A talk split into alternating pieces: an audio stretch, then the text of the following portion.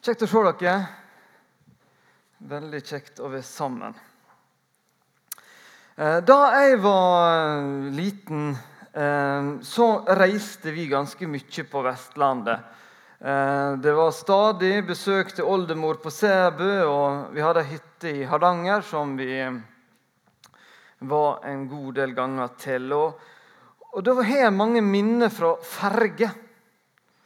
For det blir mye ferge når du reiser på, eh, på Vestlandet. Og jeg kan jo huske disse her store isboksene med mat der alt lukta egg og tomat uansett hva som var på. Men, men det viktigste jeg vil ha fram i dag, var denne her fergebaugen. For når vi satt der i disse fergene, så snakka vi ofte om denne baugen, store baugen på fergene som bare løfta seg opp når vi nærma land.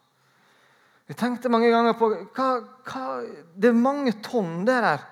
Hvordan bare løfter den der seg opp så enkelt og greit?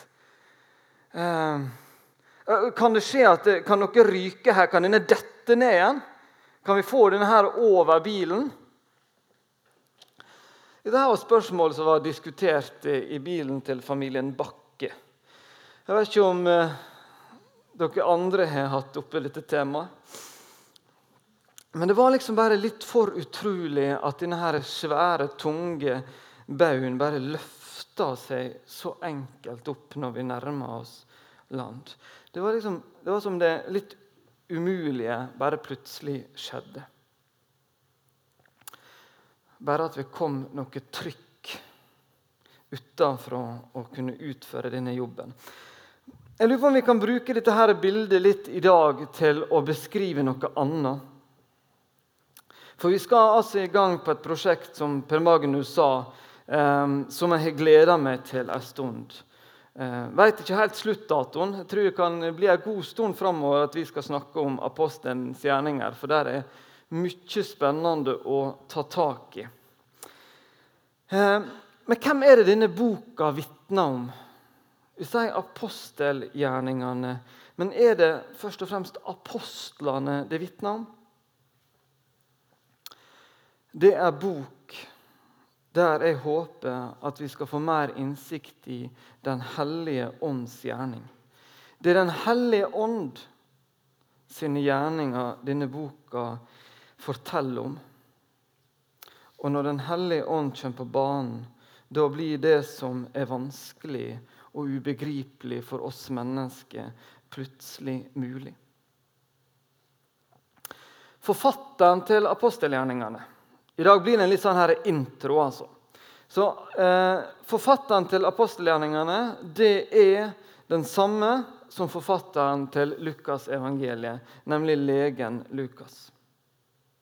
Og Dette med hvem det er sine gjerninger som skal fram, hva er det som er viktig i denne boka, det tar han sjøl opp i en sånn tydelig link vi kan få mellom disse to bøkene.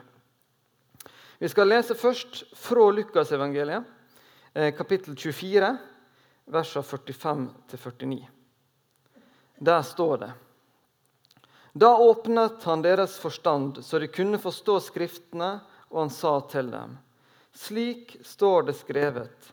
Messias skal lide og stå opp fra de døde tredje dag, og i hans navn skal omvendelse og tilgivelse for syndene forkynnes for alle folkeslag. Dere skal begynne i Jerusalem. Dere er vitne om dette, og se, jeg sender over dere det som min far har lovet. Men dere skal bli i byen til dere blir utrustet med kraft fra det høye.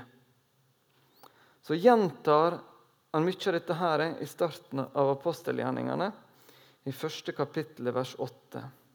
Men dere skal få kraft når Den hellige ånd kommer over dere, og dere skal være mine vitner i Jerusalem og hele Judea, i Samaria og helt til jordens ende. Det er liksom to ting som er tydelige her. Det er et oppdrag som skal utføres. Det har en start, det har en retning, men det er noe som skal skje først når Den hellige ånd kommer over disiplene. Da har fått mottatt den. Verdens viktigste hendelse har skjedd. Gud hadde steget ned til vår jord ved at Jesus ble født. Han levde et liv uten synd. Viste seg for mennesker, viste mennesker en del av hvordan et gudsrike kan se ut der bare han regjerer. Han døde på korset, og han sto opp. Han forlot vår verden rent fysisk. Men denne revolusjonerende nyheten den måtte altså fortelles til andre.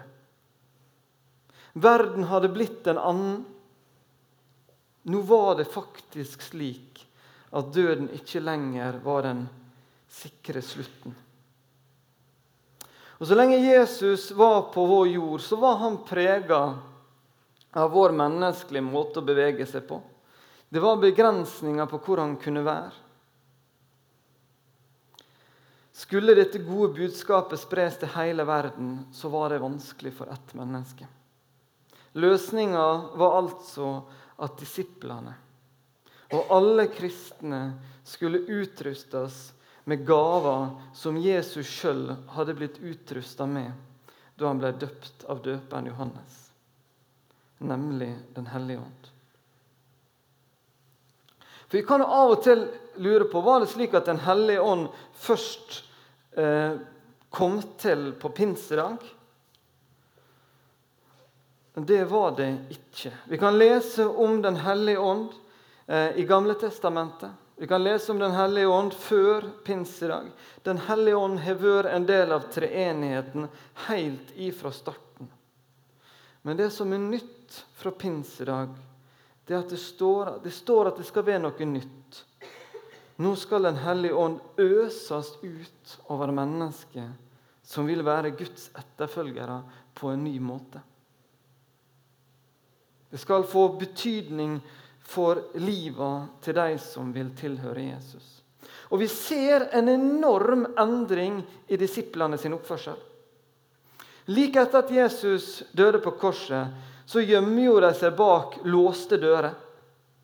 De var redde. De hadde sett hva som kunne skje med Jesus. Og tenkte at når det skjedde med han, så kan jo de gjøre det samme med oss. Etter at de fikk se Jesus, så, så står ikke det noe om at de var bak låste dører. Men de holdt seg for seg sjøl. Det står at de var der de brukte å være. Og Det var liksom bare disiplene og stå mot til Jesus, brødrene til Jesus, noen flere kvinner. De var liksom en gjeng, men de holdt seg for seg sjøl. Og så plutselig så skjer det at det er bare helt annerledes. De får en frimodighet, de får en kraft. De begynner å tale på forskjellige språk. Det skjer under. De får lov til å være med og helbrede syke. Det er et helt annet liv disse her disiplene har. De starta ei kirke. De starta en misjonsbevegelse som enda pågår. Det starta noe den pinsedag som vi er en del av. I de første kapitlene så er Peter sentral. Vi får høre noen flotte taler av Peter. Det skal vi se nærmere på neste søndag. Men fokuset var Jerusalem. Så går det litt videre, og Paulus kommer med på banen. Og det begynner å handle ganske mye om hans misjonsreise. Starten til menigheter rundt omkring i lille Asia og Europa. Så avslutter det med at vi får følge Paulus på veien fra Jerusalem og til Roma. Men det er, ikke, det er ikke disiplene generelt eller Peter og Paulus som er hovedpoenget med denne boka. Det radikale i denne boka er at disse handlingene blir utført av mennesker som er mottatt Den hellige ånd, og som ønsker å være en del av en misjonsbevegelse. Det er litt som denne fergebaugen som plutselig blir løfta opp med litt kraft utenfra. Det som nesten virker utenkelig, blir plutselig mulig når dette trykket, når denne kraften, kommer.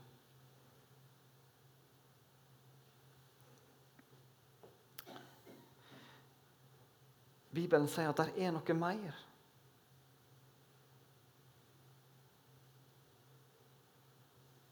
Det fins noe som vi ikke kan ta og kjenne på. Det fins noe som er gitt deg og meg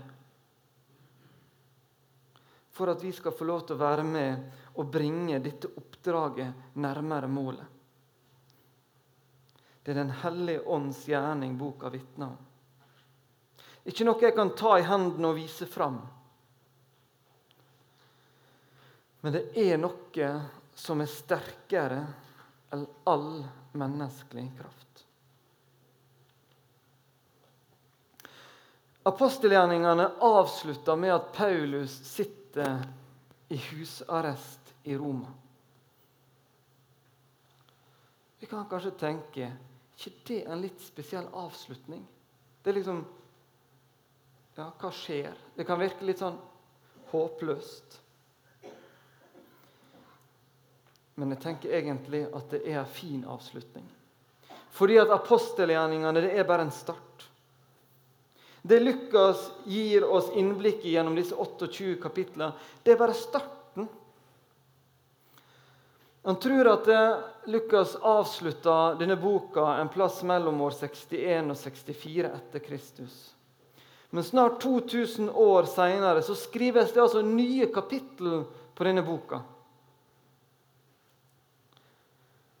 Om dette misjonseventyret. Det skrives nå om Ålesund, om mennesker som får et radikalt møte med Gud her oppe i dette naturparadiset som vi bor. Det blir lagt til i denne boka nå. Det skrives om Olji i Mongolia. Det skrives om Lombok i Indonesia. Det skrives om mennesker som nå drømmer om møte med Jesus i Nord-Afrika.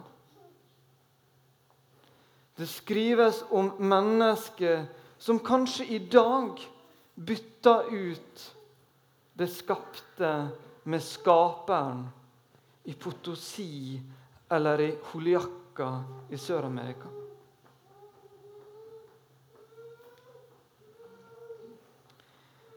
Jeg fant i en kommentar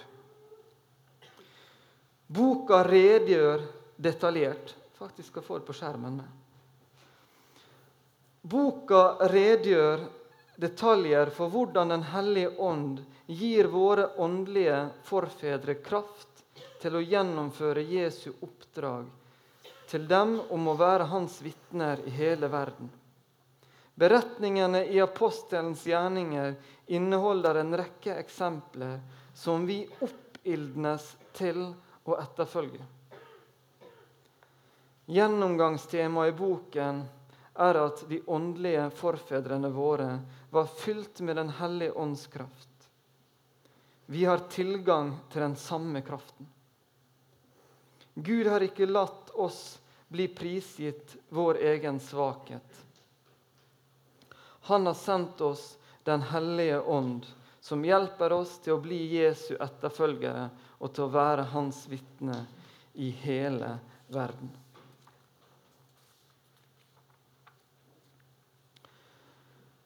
Når den første kristne menighet opplevde helt, en helt ekstraordinær vekst, så kan dette bare forklares ved at Jesus hadde stått opp fra de døde.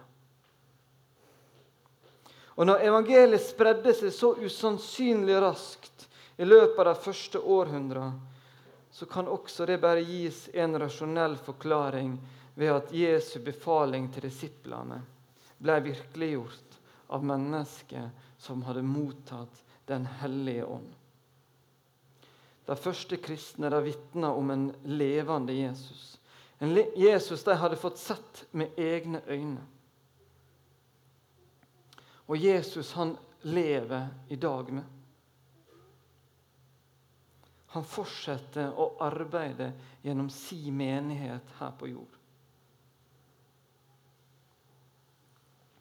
Jeg har lyst til å konkretisere noe av det her med en fortelling eh, som står i Lukas 5, som jeg har blitt veldig glad i. Jesus eh, er ute med båt igjen, reist over Genesaretsjøen, kommer til Kapernaum. Der er mye folk som vil treffe ham. Det står at han kommer helt fra Jerusalem. Folk trenger seg på. Huset blir stappfullt. Men det er en kar der i området som er sjuk.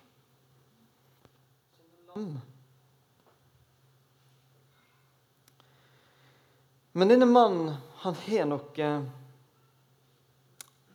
spesielt. Han har noe veldig bra. Denne sjuke mannen har gode venner. Om det var vennene eller om det var mannen sjøl som hadde funnet ut at Jesus var der i området, vet vi ikke. Det står ikke. Men disse vennene hadde iallfall funnet ut at nå skulle de bære denne vennen sin til Jesus.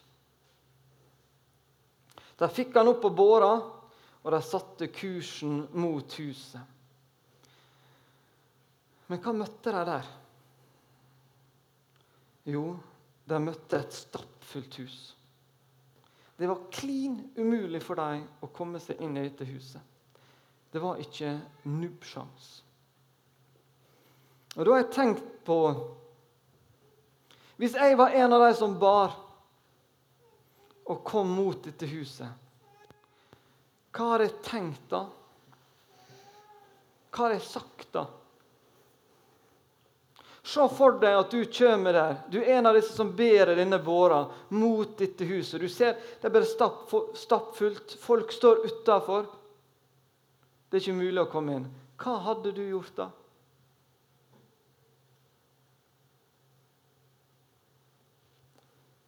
Jeg er litt redd for at jeg hadde vært en av de som hadde sagt ja, ja, vi gjorde så godt vi kunne, men uh, dette her funka ikke. Vi kommer ikke lenger. Vi får tusle hjem igjen.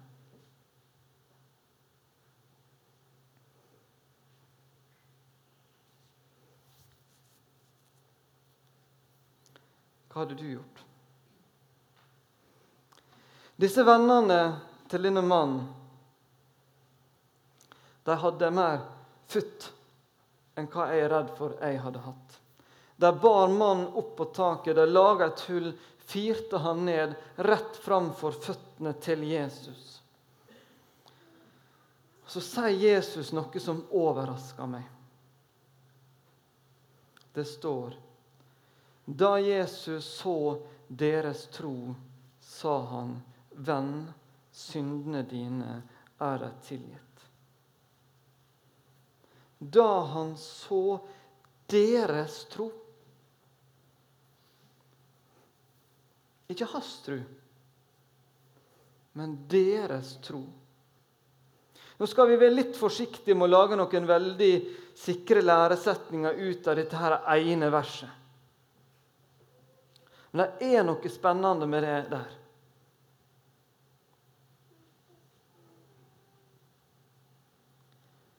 De tru. De tru den kan få bety noe for andre mennesker sitt liv. Og de tru sammen med andre mennesker sitt tru kan bety revolusjonerende ting for et menneske som kanskje sliter litt på trusveien. De tru kan få store konsekvenser for andre mennesker. Tru handler om gjerning. Tru handler om ferdiglagte gjerninger. Er det noen av dere som er god i dansk? Monica flirer litt.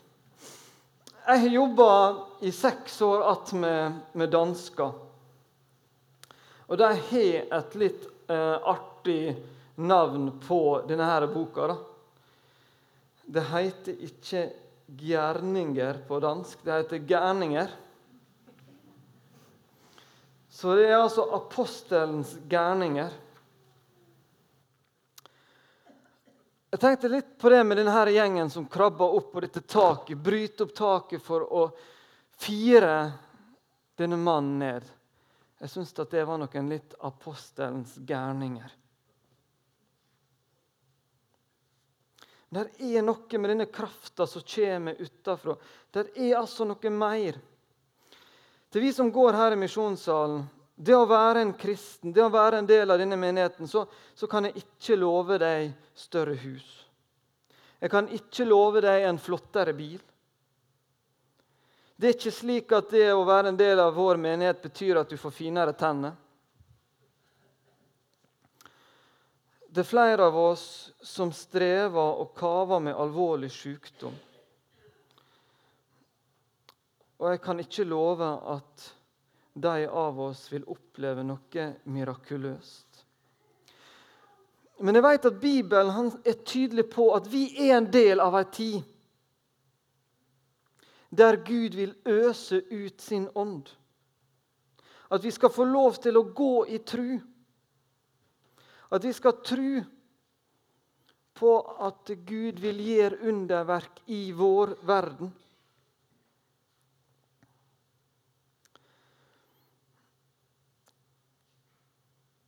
Da Jesus så deres tro, sa han, 'Venn, syndene dine er deg tilgitt'. Venn, syndene dine er deg tilgitt. Jeg lurer litt på om disse her karene som hadde Det er ikke sikkert det var karer. Unnskyld vennene til han her eh, som sto på taket der eh, og så ned. Jeg lurer på hva, hva de liksom tenkte. Sa de, 'Hæ?' Sa han noe om synde? Vi bar jo han for at eh, beina skulle bli bra. Ikke sikkert at det var syndene dine tilgitt de tenkte på når de bar denne mannen til Jesus. Men Jesus han starta med å gjøre det som kunne fikse relasjonen mellom denne mannen og Gud. Det var det som var det viktigste. Det var der han måtte starte.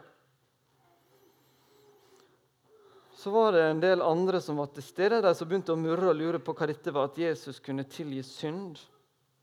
Og Det endte med at Jesus sa til mannen, 'Stå opp, ta båra di og gå hjem'. Jeg har faktisk lest et par kommentarer som lurer på hadde han blitt fysisk helbredet om det ikke hadde vært for disse her som murra litt på Jesus. Det blir bare spekulasjoner. Men denne rekkefølga jeg tror den er viktig. Jesus ser hver enkelt av oss. Han ser våre plager. Han ser hva vi lider av, og han lider med oss. Og at vi av og til får se Guds rike gjeldende her på jord på den måten at Gud helbreder. Det får vi. Kanskje skal vi få se mer av det. Det vil ikke overraske meg. Men viktigst for Jesus, det er hjertet. Det er forholdet til Han. Det er kjærligheten. Men jeg håper at vi kan i løpet av den tida vi skal få kikke på apostelgjerningene, at vi kan bli litt danske av oss. At vi kan bli her i misjonssalen litt apostelens gærninger. At vi kan bli motivert av denne boka til å ta noen nye steg i tru. At det kan bli skrevet noen kapittel om misjonssalen og så står det der Da han så deres tro Og så noe mer om hva som skjedde mellom oss. Har ikke det vært fint, Hilde? Det hadde vært bra å fått noen sanne kapittel i denne boka. Jeg håper at like overraska som jeg ble av denne fergebaugen som bare plutselig gikk opp når jeg satt der som en ganske liten gutt inni en bil. At jeg kan få bli like At jeg kan få oppleve noe denne høsten i misjonssalen så gjør det at jeg blir like overraska. At jeg bare får se Gud jobbe gjennom oss på en måte som jeg ikke hadde sett komme. For Gud øser ut sin ånd. Vi har tilgang på samme kreftene som la til 3000 til menigheten denne første dagen.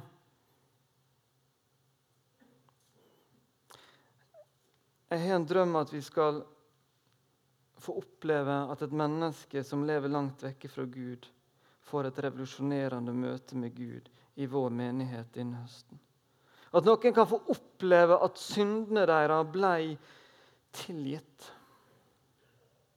At noen kan få oppleve Guds kjærlighet. At noen uvenner blir venner. At noen relasjoner kan bli lekt, og at mennesker kommer sammen igjen. Kanskje skal også vi oppleve at en fot som har trøblete, skulle bli god.